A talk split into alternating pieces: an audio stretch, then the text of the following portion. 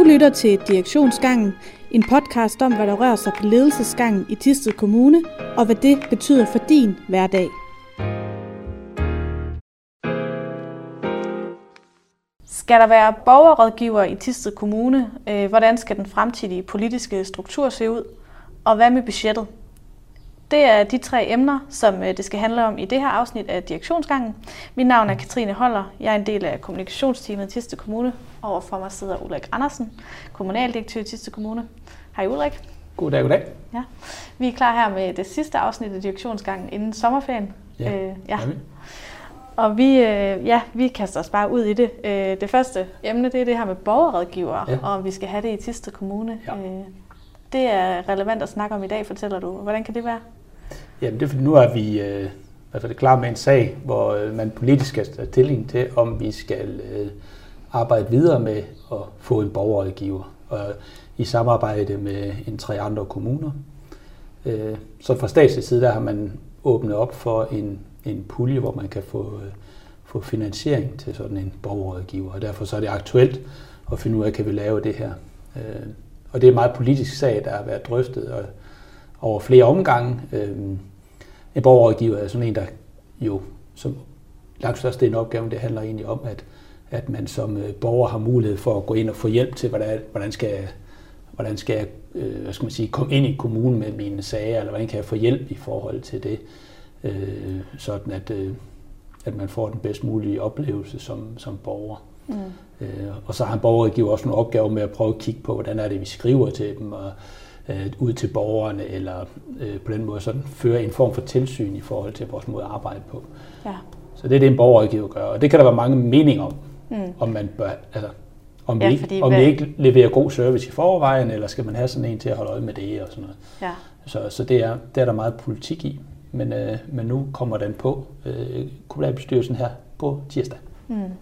Ja, så, så, så for og imod, altså, er, hvad er imod på det her? Altså, hvad er det, man kan være men ja. argumenterne imod, det er, at øh, jamen, vi skal jo altid behandle borgerne ordentligt, og det gør vi forhåbentlig også altid, og det gør vi jo øh, som medarbejdere i forvejen. Så vi skal ikke sådan ekstra led ind, der på den måde skal til at behandle det. Øh, og det kan sådan en heller ikke, øh, fordi det er måske noget, der svarer til en halv eller en hel stilling. Øh, øh, så det kan de heller ikke. Mm.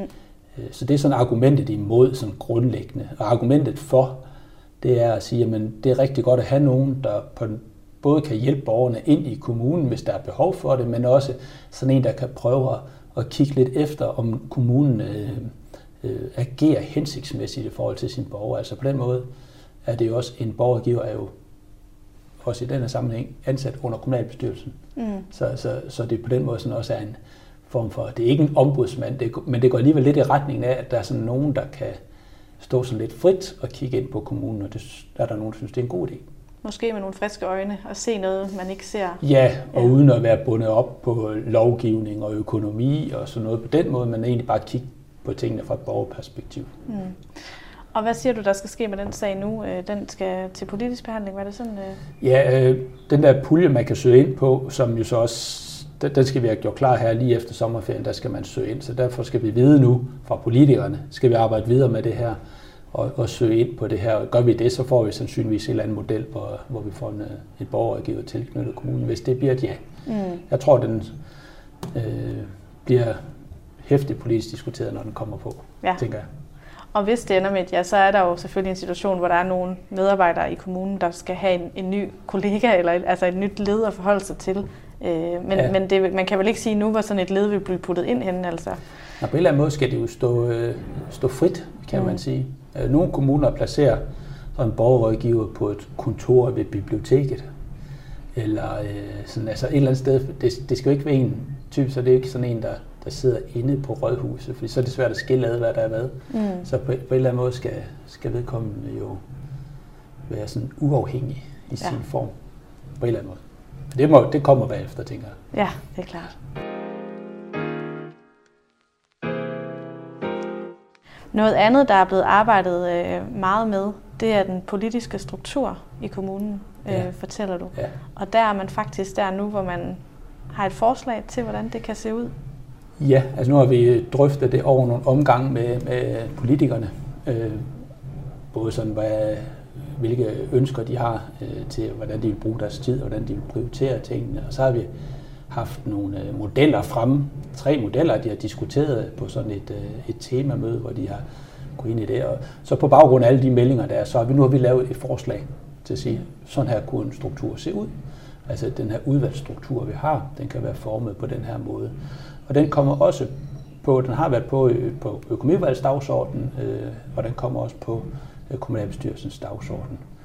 Øh, om der sker mange justeringer i det, men den helt grundlæggende justering i det forslag, det er, at vores øh, erhverv, arbejdsmarked og kulturudvalg, øh, det bliver lukket ned, kan man sige. At de bliver splittet op, de indhold, der er der. Til gengæld så kommer der et nyt udvalg, der hedder sund, Sundhed, Kultur og Fritid. Mm. Så, så det er sådan den, den største ændring, der kommer i forhold til det. Ja. ja.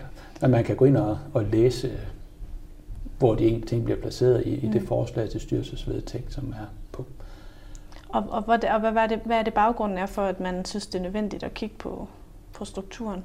Jamen, som jeg egentlig tror, jeg også har sagt lidt tidligere i en af de andre podcast, det var, at øh, det er egentlig at prøve at lave en evaluering af, hvordan er det, vi, vi synes, tingene fungerer, øh, hvad er det, vi gerne vil bruge tid på osv. Og noget af det, der så, øh, man nok, jeg tror noget af det, som man gerne vil med et, med et nyt øh, sundhed, kultur og fritidsudvalg, det er egentlig for det første at gøre sundhed bredere i sin forståelse, så det ikke kun handler om ældre mm. eller socialt udsatte, men at sundhed er, er, et, er en, en bredt forebyggende indsats, der ligger øh, og også øh, knytte det sammen med specielt med fritidsområdet, som vi også gør i forhold til Center for Sundhed osv. Så, videre. så, så prøv at se de der temaer ind i en, i en faglig sammenhæng. Og så sker der også mange andre ting, altså erhvervsområdet foreslås at blive lagt sammen med det tekniske område, fordi der er faktisk rigtig meget erhverv på begge felter, så det synes vi også hænger bedre sammen der i det her forslag. Mm. Så der kan være rigtig mange ting.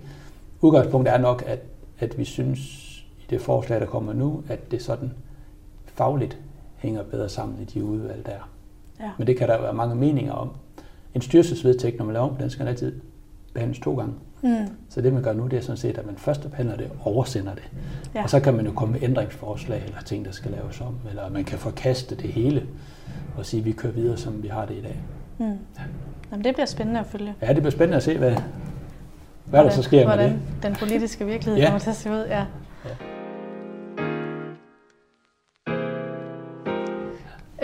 Og den sidste ting, som vi skal tale om, det er også noget, vi har vendt en gang imellem her i podcasten. Det er budgettet, ja. som vi jo arbejder på løbende. Ja. Øhm, og hvad er det status af der nu?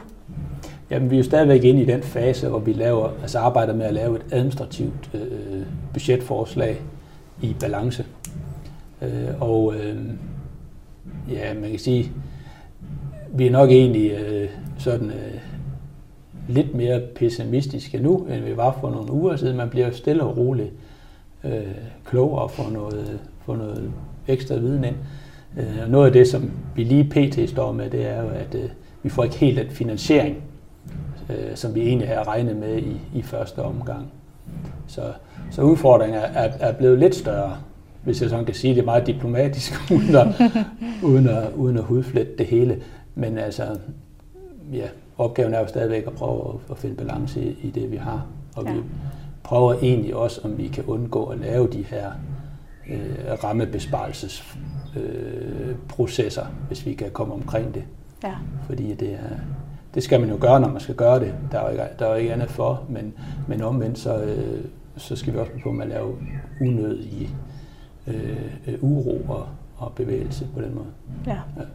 Og hvornår, øh, hvornår er der sådan en skilledato for det? Altså nu siger du, at prøv at se, om I kan undgå at lave egentlig rammebesparelser. Hvornår kan man ligesom se, at det, det kan man ikke undgå, eller det kan man godt undgå? Ja, men det, det er jo først omkring den, altså der er i hvert fald et, et, et tidspunkt omkring den første i, i syvende.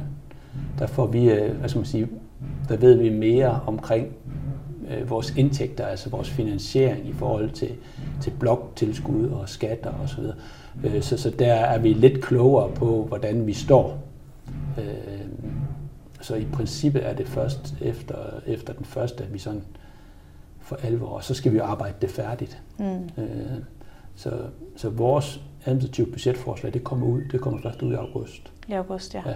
ja. Så der vil der være en opdatering på situationen, og hvordan det hele ser ud, og hvad det eventuelt kommer til at betyde. Ja, præcis. Ja. Og så overgår det så til, til, til politikerne. Derfra kan man sige, at nu har vi et, et, et budget her, som vi mener er, er det bedste muligt set fra et administrativt perspektiv.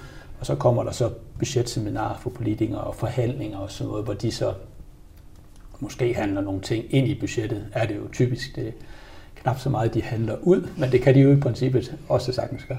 Ja, godt. Ja, Jamen, øh, tak for den gennemgang af, hvad der har været på dagsordenen i dag ved direktionsmødet. Øhm, ja. ja, og det er jo sidste afsnit inden sommerferien, men vi vender tilbage igen på den anden side. Det gør vi. Efter en god, lang sommer forhåbentlig. Ja, vi satser ja. på. Ja, tak for det. Selv tak. Du har lyttet til Direktionsgangen. Har du spørgsmål eller emner, du gerne vil have taget op, så skriv til os.